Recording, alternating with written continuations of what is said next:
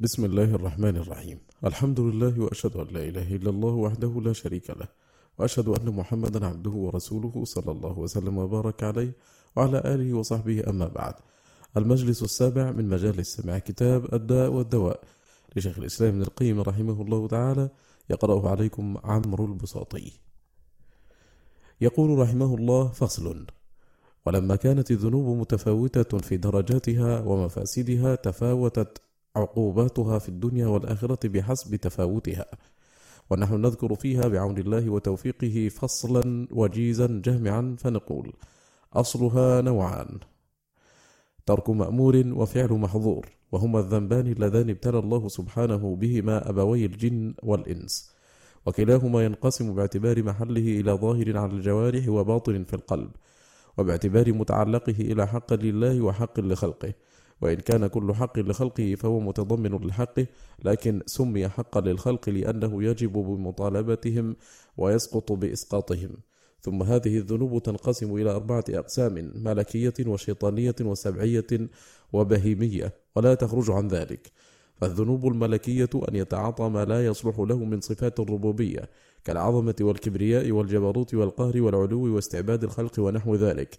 ويدخل في هذا الشرك بالرب تبارك وتعالى وهو نوعان شرك به في أسمائه وصفاته وجعل آلهة أخرى معه وشرك به في معاملته وهذا الثاني قد لا يوجب دخول النار وإن أحبط العمل الذي أشرك فيه مع الله غيره.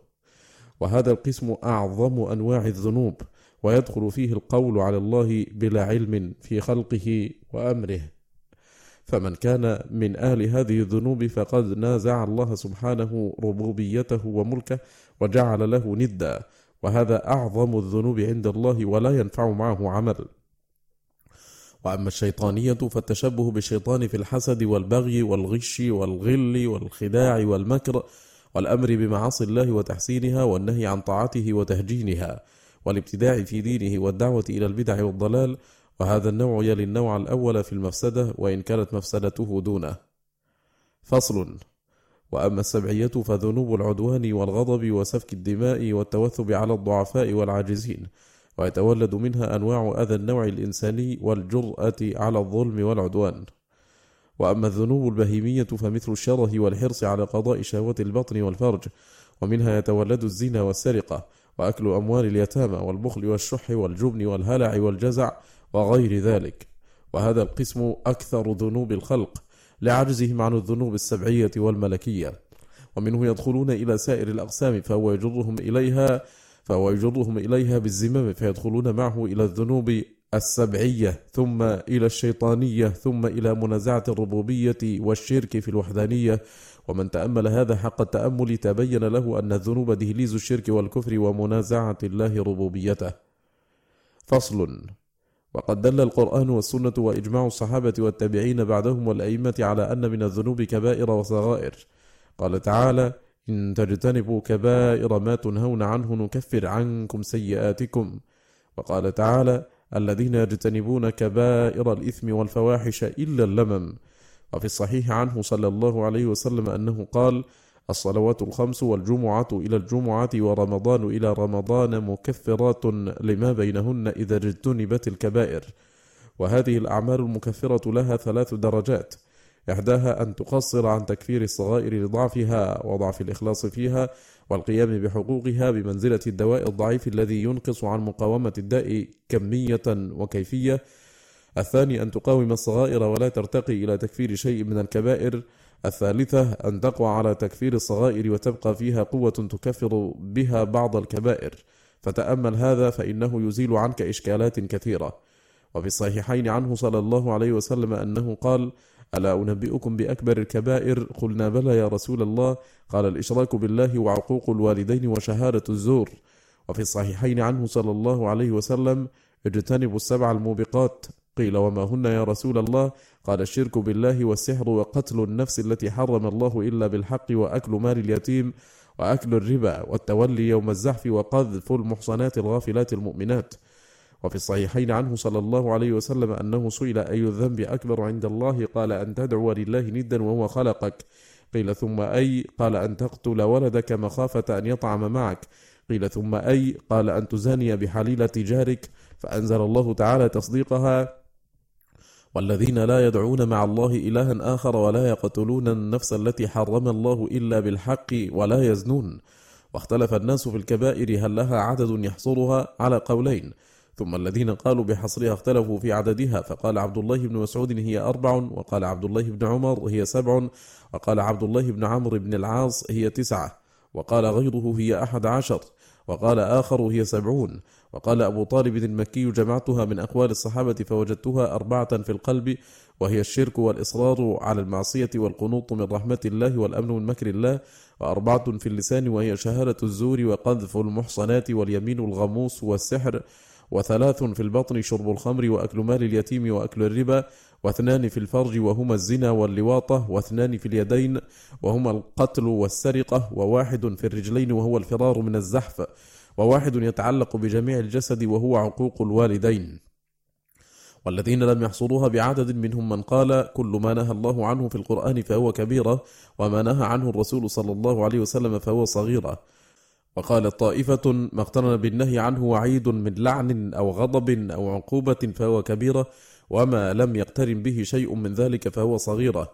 وقيل كل ما رتب عليه حد في الدنيا أو وعيد في الآخرة فهو كبيرة وما لم يرتب عليه لا هذا ولا هذا فهو صغيرة.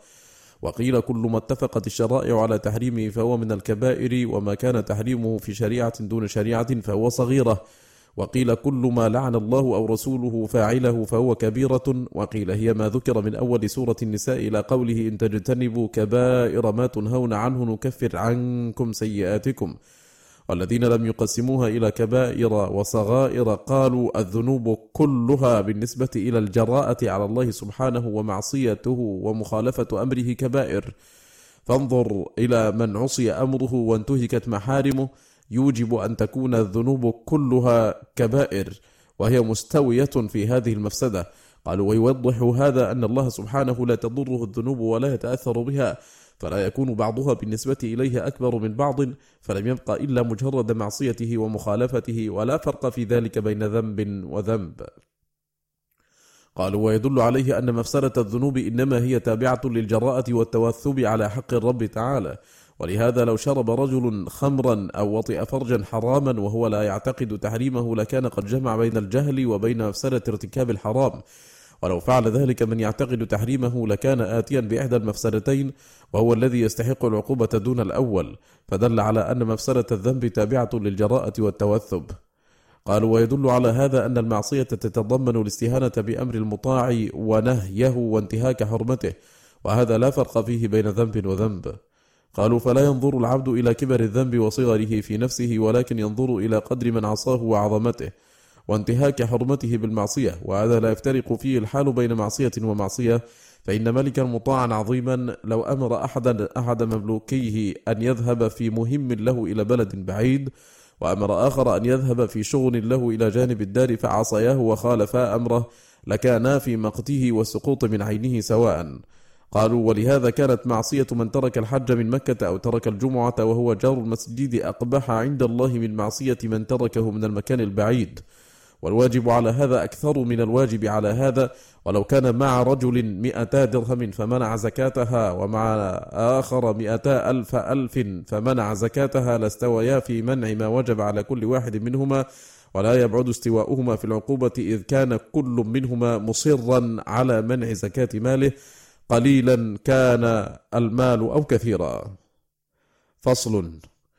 وكشف الغطاء عن هذه المسألة أن يقال إن الله عز وجل أرسل رسله وأنزل كتبه وخلق السماوات والأرض ليعرف ويوحد ويعبد ويكون الدين كله له والطاعة كلها له والدعوة له كما قال تعالى وما خلقت الجن والإنس إلا ليعبدون وقال تعالى وما خلقنا السماوات والأرض وما بينهما إلا بالحق وقال تعالى الله الذي خلق سبع سماوات ومن الأرض مثلهن يتنزل الأمر بينهن لتعلموا أن الله على كل شيء قدير وأن الله قد أحاط بكل شيء علما.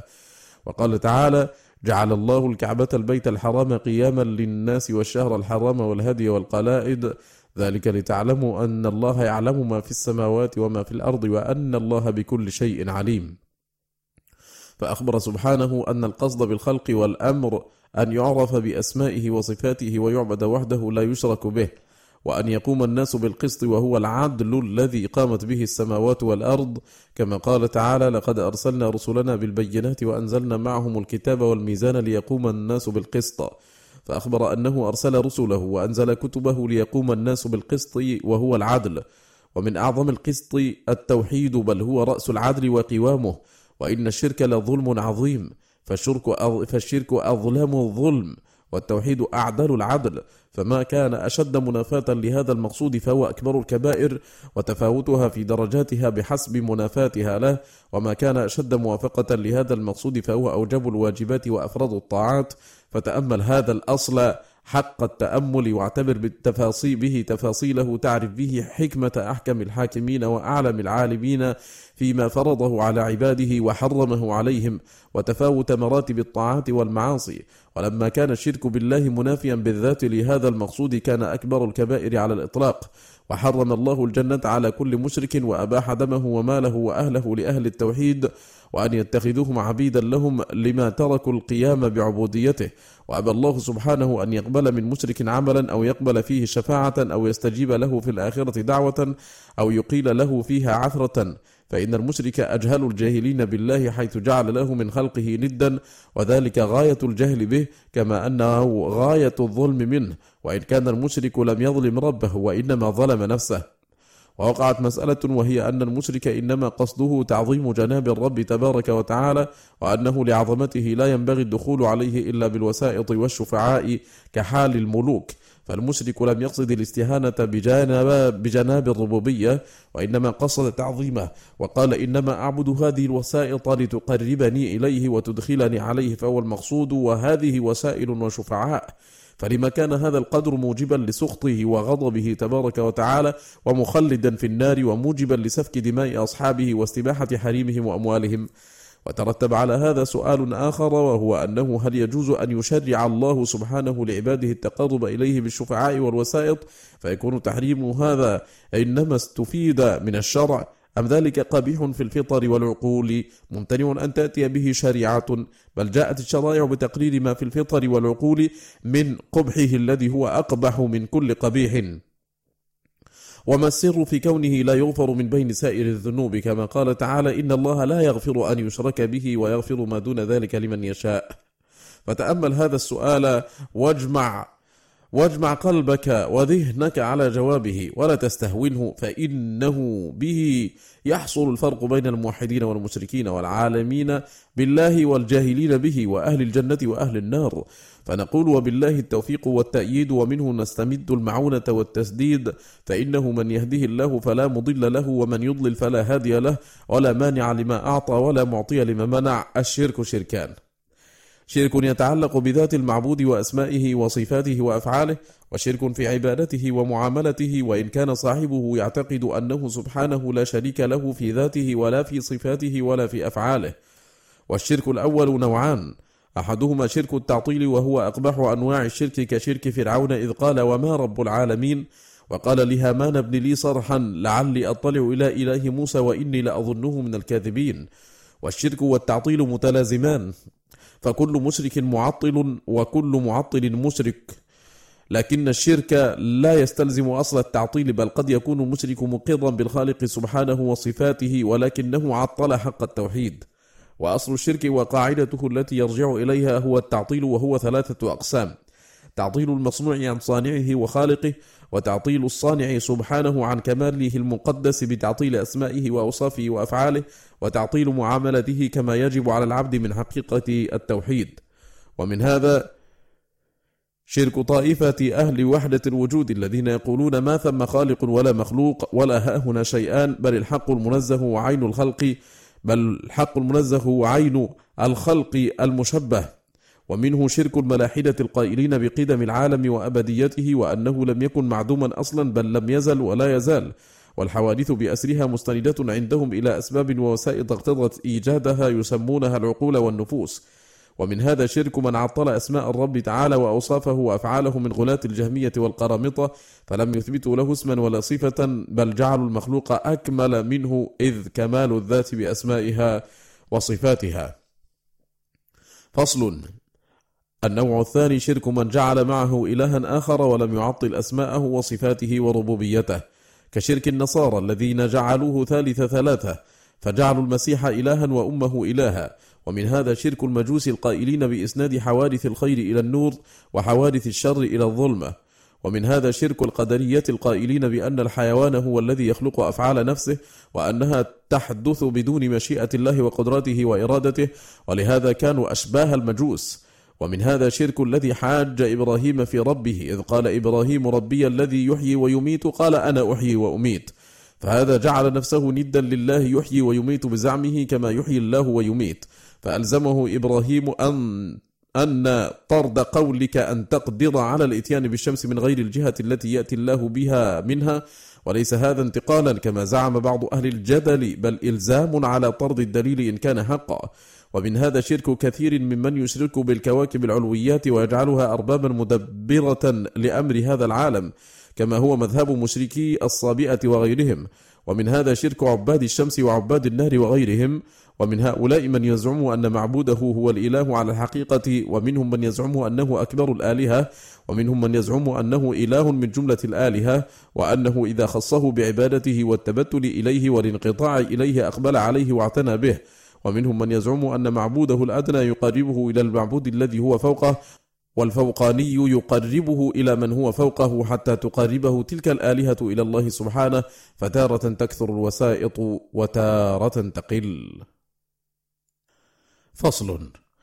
وأما الشرك في العبادة فهو أسهل من هذا الشرك وأخف أمرا فإنه يصدر ممن يعتقد أنه لا إله إلا الله وأنه لا يضر وينفع ويعطي ويمنع إلا الله وأنه لا إله غيره ولا رب سواه ولكن لا يخلص لله في معاملته وعبوديته بل يعمل لحظ نفسه تارة ولطلب الدنيا تارة ولطلب الرفعة والمنزلة والجاه عند الخلق تارة. فلله من عمله وسعيه نصيب ولنفسه وحظه وهواه نصيب وللشيطان نصيب وللخلق نصيب. وهذا حال أكثر الناس. وهو الشرك الذي قال فيه النبي صلى الله عليه وسلم في روا فيما رواه ابن حبان في صحيحه الشرك في هذه الأمة أخفى من دبيب النمل.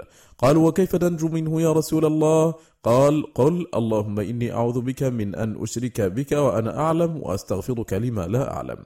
فالرياء كله شرك. قال تعالى قل إنما أنا بشر مثلكم. يوحى إلي أنما إلهكم إله واحد فمن كان يرجو لقاء ربه فليعمل عملا صالحا.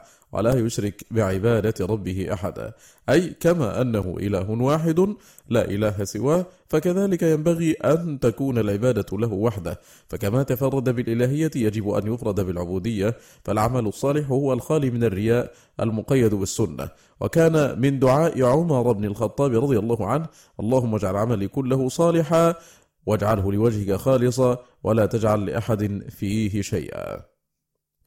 وهذا الشرك في العبادة يبطل ثواب العمل وقد يعاقب عليه وقد يعاقب عليه إذا كان العمل واجبا فإنه ينزله منزلة من لم يعمل فيعاقب على ترك الأمر فإن الله سبحانه إنما أمر بعبادته خالصة. قال تعالى وما أمروا إلا ليعبدوا الله مخلصين له الدين حنفاء فمن لم يخلص لله في عبادته لم يفعل ما أمر به بل الذي أتى به شيء غير المأمور به فلا يصح ولا يقبل منه. ويقول الله تعالى أنا أغنى الشركاء عن الشرك فمن عمل عملا أشرك معي فيه غيري فهو للذي أشرك به وأنا منه بريء. وهذا الشرك ينقسم إلى مغفور وغير مغفور وأكبر وأصغر. والنوع الأول ينقسم إلى كبير وأكبر وليس شيء منه مغفورا. فمنه الشرك بالله في المحبة والتعظيم أن يحب مخلوقا كما يحب الله. فهذا من الشرك الذي لا يغفره الله وهو الشرك الذي قال سبحانه فيه ومن الناس من يتخذ من دون الله أندادا يحبونهم كحب الله والذين آمنوا أشد حبا لله. وقال أصحاب هذا الشرك لآلهتهم وقد جمعتهم الجحيم تالله إن كنا لفي ضلال مبين إذ نسويكم برب العالمين. ومعلوم أنهم ما سووهم به سبحانه في الخلق والرزق والإماتة والإحياء والملك والقدرة وإنما سووهم به في الحب والتأله والخضوع لهم والتذلل. وهذا غاية الظلم والجهل. فكيف يسوى التراب برب الأرباب؟ وكيف يسوى العبيد بمالك الرقاب؟ وكيف يسوى الفقير بالذات بالضعيف بالذات؟ العاجز بالذات المحتاج بالذات. الذي ليس له من ذاته إلا العدم بالغني بالذات. القادر بالذات الذي غناه وقدرته وملكه وجوده وإحسانه وعلمه ورحمته وكماله المطلق التام من لوازم ذاته. فأي ظلم أقبح من هذا وأي حكم أشد جورا منه حيث عدل من لا عدل له بخلقه. كما قال تعالى الحمد لله الذي خلق السماوات والأرض وجعل الظلمات والنور ثم الذين كفروا بربهم يعدلون. فعدل المشرك من خلق السماوات والأرض وجعل الظلمات والنور بمن لا يملك لنفسه ولا لغيره مثقال ذرة في السماوات ولا في الأرض. فيا لك من عدل تضمن أكبر الظلم وأقبحه. فصل. ويتبع هذا الشرك الشرك به سبحانه في الأفعال والأقوال والإرادات والنيات. فالشرك في الأفعال كالسجود لغيره والطواف بغير بيته وحلق الرأس عبودية وخضوعا لغيره وتقبيل الأحجار غير الحجر الأسود الذي هو يمينه في الأرض وتقبيل القبور واستلامها والسجود لها. وقد لعن النبي صلى الله عليه وسلم من اتخذ قبور الأنبياء والصالحين مساجد يصلى لله فيها فكيف بمن اتخذ القبور اوثانا يعبدها من دون الله؟ ففي الصحيحين عنه أنه قال لعن الله اليهود والنصارى اتخذوا قبور أنبيائهم مساجد. وفي الصحيح عنه إن من شرار الناس من تدركهم الساعة وهم أحياء والذين يتخذون القبور مساجد. وفي الصحيح أيضا عنه إنه من كان قبلكم كانوا يتخذون القبور مساجد. ألا فلا تتخذوا القبور مساجد فإني أنهاكم عن ذلك. وفي مسند الإمام أحمد وصحيح ابن حبان عنه صلى الله عليه وسلم لعن الله زوارات القبور والمتخذين عليها المساجد والسرج. وقال اشتد غضب الله على قوم اتخذوا قبور أنبيائهم مساجد. وقال إن من كان قبلكم كانوا إذا مات فيهم الرجل الصالح بنوا على قبره مسجدا وصوروا فيه تلك الصورة. أولئك شرار الخلق عند الله يوم القيامة. فهذا حال من سجد لله في مسجد على قبر فكيف حال من سجد للقبر نفسه؟ وقد قال صلى الله عليه وسلم اللهم لا تجعل قبري وثنا يعبد. وقد حمى النبي صلى الله عليه وسلم جانب التوحيد أعظم حماية حتى نهى عن صلاة التطوع لله سبحانه عند طلوع الشمس وعند غروبها لئلا يكون ذريعة إلى التشابه بعباد الشمس الذين يسجدون لها في هاتين الحالتين. وسد الذريعة بأن منع من الصلاة بعد العصر والصبح لاتصال هذين الوقتين بالوقتين اللذين يسجد المشركون فيهما للشمس. وأما السجود لغير الله فقال لا ينبغي لأحد أن يسجد لأحد إلا لله. ولا ينبغي في كلام الله ورسوله للذي هو في غاية الامتناع شرعا كقوله تعالى وما ينبغي للرحمن أن يتخذ ولدا وقوله وما علمناه الشعر وما ينبغي له وقوله وما تنزلت به الشياطين وما ينبغي لهم وقوله عن الملائكة ما كان ينبغي لنا أن نتخذ من دونك من أولياء. فصل ومن الشرك به سبحانه الشرك به في اللفظ كالحلف بغيره كما رواه الإمام أحمد وأبو داود عنه صلى الله عليه وسلم أنه قال من حلف بغير الله فقد أشرك. صححه الحاكم وابن حبان. ومن ذلك قول القائل للمخلوق ما شاء الله وشئت. كما ثبت عن النبي صلى الله عليه وسلم أنه قال له رجل ما شاء الله وشئت. فقال أجعلتني لله ندا. قل ما شاء الله وحده. هذا مع أن الله قد أثبت للعبد مشيئة كقوله لمن شاء منكم أن يستقيم. فكيف بمن يقول أنا متوكل على الله وعليك وأنا في حسب الله وحسبك وما لي إلا الله وأنت وهذا من الله ومنك وهذا من بركات الله وبركاتك. والله لي في السماء وأنت لي في الأرض. أو يقول والله وحياتي فلان. أو يقول نذرا لله ولفلان. أو أنا تائب لله ولفلان. أو أرجو الله وفلانا ونحو ذلك. فوازن بين هذه الألفاظ وبين قول القائل ما شاء الله وشئت. ثم انظر أيهما أفحش يتبين لك أن قائلها أولى بجواب النبي صلى الله عليه وسلم لقائل تلك الكلمة وأنه إذا كان قد جعله لله ندا بها فهذا قد جعل من لا يداني رسول الله صلى الله عليه وسلم في شيء من الأشياء بل لعله أن يكون من أعدائه ندا لرب العالمين. فالسجود والعبادة والتوكل والإنابة والتقوى والخشية والتحسب والتوبة والنذر والحلف والتسبيح والتكبير والتهليل والتحميد والاستغفار وحلق الرأس خضوعا وتعبدا والطواف بالبيت والدعاء كل ذلك محض حق الله الذي لا يصلح ولا ينبغي لسواه من ملك مقرب ولا نبي مرسل. وفي مسند الإمام أحمد أن رجلا أتي به إلى النبي صلى الله عليه وسلم قد أذنب ذنبا فلما وقف بين يديه قال اللهم إني أتوب إليك ولا أتوب إلى محمد. فقال عرف الحق لأهله. وأما الشرك في الإرادات والنيات فذلك البحر الذي لا ساحل له وقل من ينجو منه. فمن أراد بعمله غير وجه الله أو نوى شيئا غير التقرب إليه وطالب الجزاء منه فقد أشرك في نيته وإرادته والإخلاص أن يخلص لله في أقواله وأفعاله وإراداته ونيته.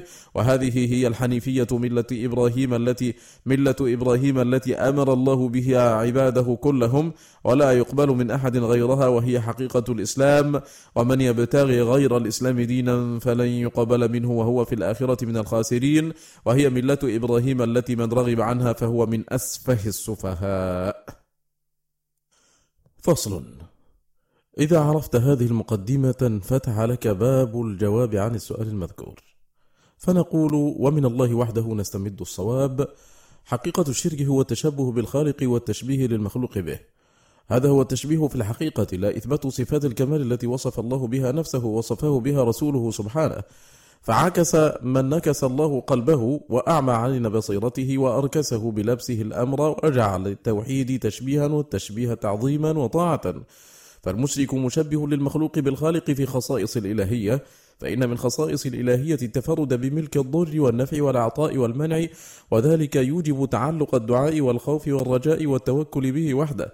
فمن علق ذلك بمخلوق فقد شبهه بالخالق وجعل ما لا يملك لنفسه ضرا ولا نفعا ولا موتا ولا حياة ولا نشورا فضلا عن غيره شبيها لمن له الأمر كله فأزمة الأمور كلها بيديه. فأزمة الأمور كلها بيديه ومرجعها إليه فما شاء كان وما لم يشاء لم يكن. لا مانع لما أعطى ولا معطي لما منع. بل إذا فتح لعبده باب رحمة لم يمسكها أحد وإن أمسكها عنه لم يرسلها إليه أحد.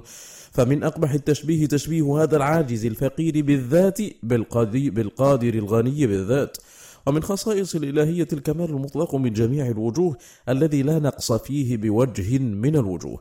وذلك يوجب أن تكون العبادة كلها له وحده والتعظيم والإجلال والخشية والدعاء والرجاء والإنابة والتوبة والتوكل والاستعانة وغاية الذل مع غاية الحب. كل ذلك يجب عقلا وشرعا وفطرة أن يكون له وحده. ويمنع عقلا وشرعا وفطرة أن يكون لغيره. فمن جعل شيئا من ذلك لغيره فقد شبه ذلك الغير بمن لا شبيه له ولا مثل له ولا ند له. وذلك أقبح التشبيه وأبطله. وأبطله ولشدة قبحه وتضمنه غاية الظلم.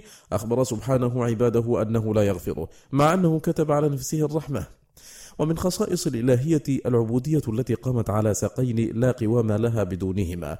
غاية الحب مع غاية الذل. هذا تمام العبودية. وتفاوت منازل الخلق فيها بحسب تفاوتهم في هذين الأصلين. فمن أعطى حبه وذله وخضوعه لغير الله فقد شبهه به في خالص حقه. وهذا من المحال أن تجيء به شريعة من الشرائع وقبحه مستقر في كل فطرة وعقل ولكن غيرت الشياطين فطر أكثر الخلق وعقولهم. وأفسدتها عليهم واجتالتهم عنها. ومضى على الفطرة الأولى من سبقت له من الله الحسنى. فأرسل إليهم رسله وأنزل عليهم كتبه بما يوافق فطرهم وعقولهم. فازدادوا بذلك نورا على نور يهدي الله لنوره من يشاء. إذا عرف هذا فمن خصائص الإلهية السجود. فمن سجد لغيره فقد شبه المخلوق به ومنها التوكل فمن توكل على غيره فقد شبهه به ومنها التوبة فمن تاب لغيره فقد شبهه به ومنها الحلف باسمه تعظيما وإجلالا له فمن حلف بغيره فقد شبهه به. هذا في جانب التشبيه. وأما في جانب التشبه به فمن تعاظم وتكبر ودعا الناس إلى إطرائه في المدح والتعظيم والخضوع والرجاء وتعليق القلب به خوفا ورجاء والتجاء واستعانة به فقد تشبه بالله ونزعه ربوبيته وإلهيته وهو حقيق بأن يهينه الله غاية الهوان ويذله غاية الذل ويجعله تحت أقدام خلقه. وفي الصحيح عنه صلى الله عليه وسلم قال يقول الله عز وجل العظمة إزاري والكبرياء ردائي فمن نازعني واحدا منهما عذبته. وإذا كان المصور الذي يصنع الصورة بيده من أشد الناس عذابا يوم القيامة لتشبهه بالله في مجرد الصنعة فما الظن بالتشبه بالله في الربوبية والإلهية؟ كما قال صلى الله عليه وسلم أشد الناس عذابا يوم القيامة المصورون. يقال لهم أحيوا ما خلقتم. وفي الصحيح عنه صلى الله عليه وسلم أنه قال قال الله عز وجل ومن أظلم ممن ذهب يخلق خلقا كخلقي فليخلق ذرة فليخلق شعيرة فنبه بالذرة والشعيرة على ما هو أعظم منهما وأكبر. والمقصود أن هذا حال من تشبه به في صنعة صورة. فكيف حال من تشبه به في خواص ربوبيته وإلهيته؟ وكذلك من تشبه به في الاسم الذي لا ينبغي إلا لله وحده كمالك الأملاك وحاكم الحكام ونحوه. وقد ثبت في الصحيح عن النبي صلى الله عليه وسلم أنه قال إن أخنع الأسماء عند الله رجل تسمى بشاهان شاه ملك الملوك ولا ملك إلا الله. وفي لفظ أغيظ رجل على الله رجل تسمى بملك الأملاك. فهذا مقت الله وغضبه على من تشبه به في الاسم الذي لا ينبغي إلا له. فهو سبحانه ملك الملوك وحده وهو حاكم الحكام وحده فهو الذي يحكم على الحكام كلهم ويقضي عليهم كلهم لا غيره. فصل. إذا تبين هذا فها هنا أصل عظيم يكشف سر المسألة وهو أن أعظم الذنوب عند الله إساءة الظن به. فإن المسيء به الظن قد ظن به خلاف كماله المقدس وظن به ما يناقض أسماءه وصفاته. ولهذا توعد الله سبحانه الظانين به ظن السوء بما لم يتوعد به غيرهم كما قال تعالى عليهم دائرة السوء وغضب الله عليهم ولعنهم وأعد لهم جهنم وساءت مصيرا. وقال تعالى لمن أنكر صفة من صفاته وذلكم ظنكم الذي ظننتم بربكم أرداكم فأصبحتم من الخاسرين. وقال تعالى حاكيا عن خليله إبراهيم إنه قال لقومه ماذا تعبدون؟ أئفكا آلهة دون الله تريدون؟ فما ظنكم برب العالمين؟ أي فما ظنكم أن يجازيكم به إذا لقيتموه وقد عبدتم غيره؟ وماذا ظننتم به حتى عبدتم معه غيره؟ وما ظننتم بأسمائه وصفاته وربوبيته من النقص حتى أحوجكم ذلك إلى عبودية غيره؟ فلو ظننتم به ما هو أهله من أنه بكل شيء عليم وعلى كل شيء قدير وأنه غني عن كل ما سواه وكل ما سواه فقير إليه وأنه قائم بالقسط على خلقه وأنه المتفرد بتدبير خلقه لا يشركه في غيره والعالم بتفاصيل الأمور فلا تخفى عليه خافية من خلقه والكافي لهم وحده فلا يحتاج إلى معين والرحمن بذاته فلا يحتاج في رحمته إلى من يستعطفه وهذا بخلاف الملوك وغيرهم من الرؤساء فإنهم محتاجون إلى من يعرفهم أحوال الرعية وحوائجهم وإلى من يعينهم على قضاء حوائجهم وإلى من يسترحمهم ويستعطفهم بالشفاعة فاحتاجوا إلى الوسائط ضرورة لحاجتهم وعجزهم وضعفهم وقصور علمهم. فأما القادر على كل شيء الغني بذاته عن كل شيء العالم بكل شيء الرحمن الرحيم الذي وسعت رحمته كل شيء. فإدخال الوسائط بينه وبين خلقه تنقص بحق ربوبيته وإلهيته وتوحيده وظن به ظن السوء. وهذا يستحيل أن يشرعه لعباده ويمتنع في العقول والفطر وقبحه مستقر في العقول السليمة فوق كل قبيح.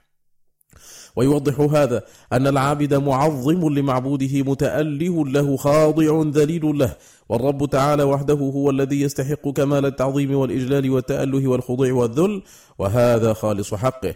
فمن أقبح الظلم أن يعطى حقه لغيره أو يشرك بينه وبينه فيه ولا سيما إذا كان الذي جعل شريكه في حقه هو عبده ومملوكه. كما قال تعالى ضرب لكم مثلا من أنفسكم هل لكم مما ملكت أيمانكم من شركاء فيما رزقناكم فأنتم فيه سواء تخافونهم كخيفتكم أنفسكم؟ أي إذا كان أحدكم يأنف أن يكون مملوكه شريكه في رزقه فكيف تجعلون لي من عبيدي شركاء فيما أنا منفرد به؟ وهو الإلهية التي لا تنبغي لغيري ولا تصلح لسواي. فمن زعم ذلك فما قدرني حق قدري ولا عظمني حق تعظيمي ولا أفردني بما أنا منفرد به وحدي دون خلقي. فما قدر الله حق قدره من عبد معه غيره. كما قال تعالى يا أيها الناس ضرب مثل فاستمعوا له. إن الذين تدعون من دون الله لن يخلقوا ذبابا ولو اجتمعوا له. وإن يسلبهم الذباب شيئا لا يستنقذوه منه. ضعف الطالب والمطلوب. ما قدر الله حق قدره إن الله لقوي عزيز. فما قدر الله حق قدره من عبد معه من لا يقدر على خلق أضعف حيوان وأصغره وإن سلبه الذباب شيئا مما عليه لم يقدر على استنقاذه منه. وقال تعالى وما قدر الله حق قدره والأرض جميعا قبضته يوم القيامة والسماوات مطويات بيمينه سبحانه وتعالى عما يشركون فما قدر من هذا شأنه وعظمته حق قدره من أشرك معه في عبادته من ليس له شيء من ذلك البتة بل هو أعجز شيء وأضعفه. فما قدر القوي العزيز حق قدره من أشرك معه الضعيف الذليل. وكذلك ما قدره حق قدره من قال إنه لم يرسل إلى خلقه رسولا ولا أنزل كتابا بل نسبه إلى ما لا يليق به ولا يحسن منه من إهمال خلقه وتضييعهم وتركهم سدى وخلقهم باطلا عبثا.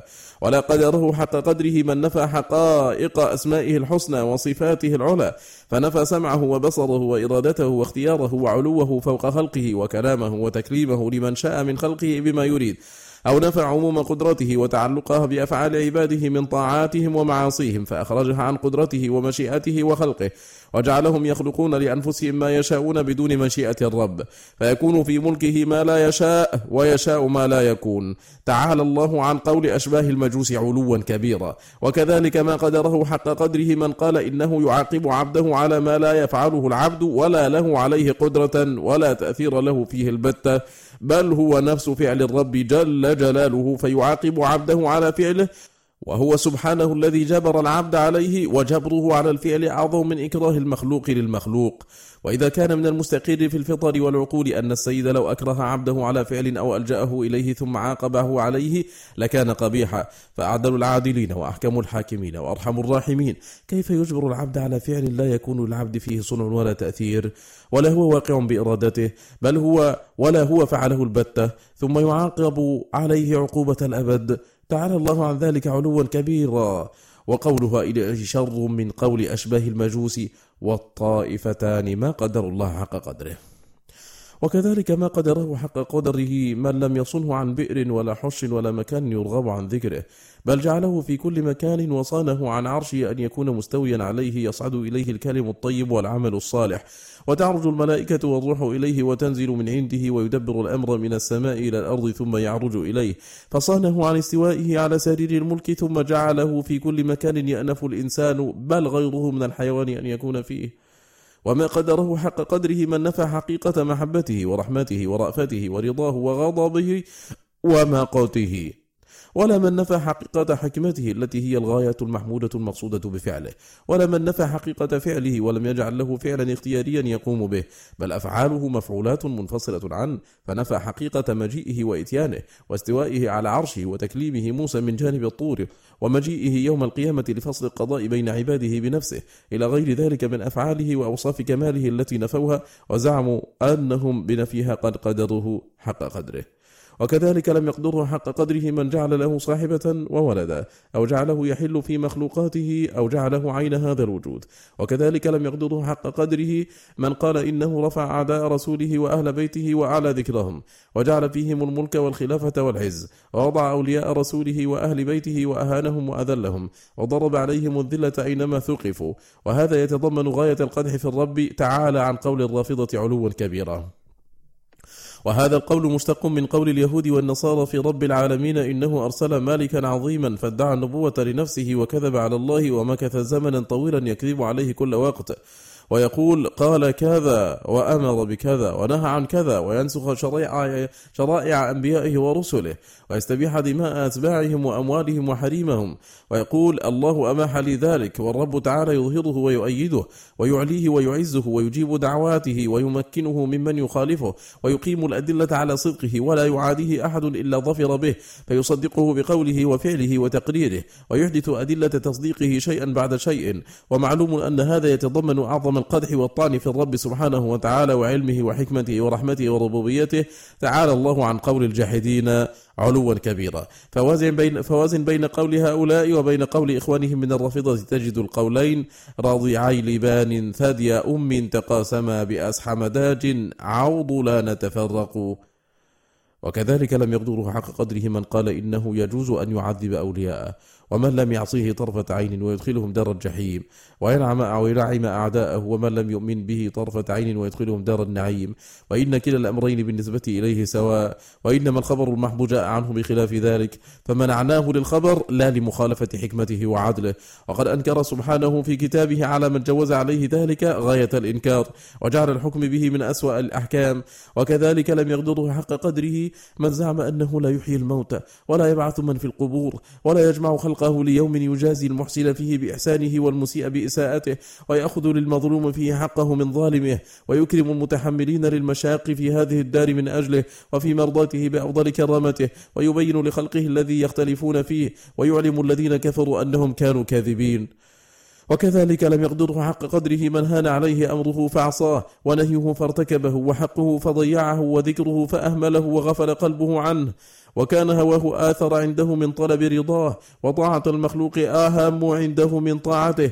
فلله الفضلة من قلبه وقوله وعمله وسواه المقدم في ذلك لأنه المهم عنده يستخف بنظر الله إليه واطلاعه عليه وهو في قبضته وناصيته بيده ويعظم نظر المخلوق إليه واطلاعه عليه بكل قلبه وجوارحه ويستحيي من الناس ولا يستحيي من الله ويخشى الناس ولا يخشى الله ويعامل الخلق بأفضل ما يقدر عليه وإن عامل الله عمله بأهون ما عنده وأحقره وإن قام في خدمة إلهه من البشر قام بالجد والاجتهاد وبذل النصيحة وقد فرق له قلبه وجوارحه وقدمه على كثير من مصالحه حتى إذا قام في حق ربه إن ساعد القدر قيام قام قياما لا يرضى مثله مخلوق من مخلوق وبذل له من ماله ما يستحي أن يواجه به مخلوق لمثله.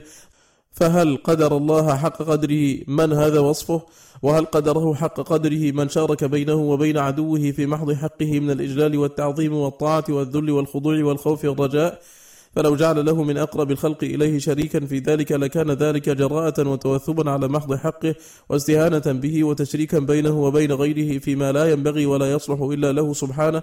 فكيف وإنما شرك بينه وبين أبغض الخلق إليه وأهوانهم عليه وأمقتهم عنده وهو عدوه على الحقيقة فإنه ما عبد من دون الله إلا الشيطان كما قال تعالى ألم أعهد إليكم يا بني آدم أن لا تعبدوا الشيطان إنه لكم عدو مبين وأن اعبدوني هذا صراط مستقيم ولما عبد المشركون الملائكة بزعمهم وقعت عبادتهم للشيطان وهم يظنون أنهم يعبدون الملائكة كما قال تعالى ويوم يحشرهم جميعا ثم يقول للملائكة أهؤلاء إياكم كانوا يعبدون قالوا سبحانك أنت ولينا من دونهم بل كانوا يعبدون الجن أكثرهم بهم مؤمنون فالشيطان يدعو المشرك إلى عبادته ويوهمه أنه ملك.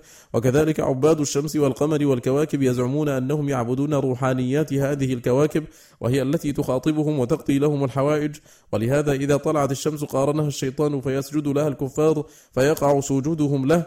وكذلك عند غضوبها وكذلك من عبد المسيح وأمه لم يعبدهما وإنما عبد الشيطان فإنه يزعم أنه يعبد من أمره بعبادته وعبادة أمه ورضيها لهم وأمرهم بها وهذا هو الشيطان الرجيم لعنة الله عليه لا عبد الله ورسوله. فنزل هذا كله على قوله تعالى ألم أعهد إليكم يا بني آدم ألا تعبدوا الشيطان؟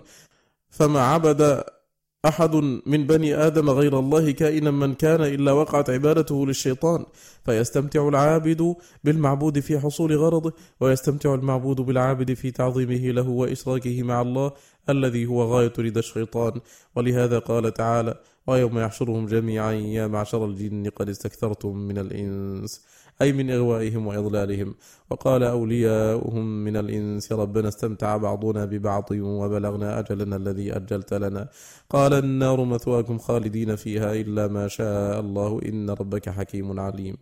فهذه إشارة لطيفة إلى السر الذي لأجله كان الشرك أكبر الكبائر عند الله وأنه لا يغفر بغير التوبة منه وأنه يوجب الخلود في العذاب وأنه ليس تحريمه وقبحه بمجرد النهي عنه بل يستحيل على الله سبحانه أن يشرع عبادة إله غيره كما يستحيل عليه ما يناقض أوصاف كماله ونعوت جلاله.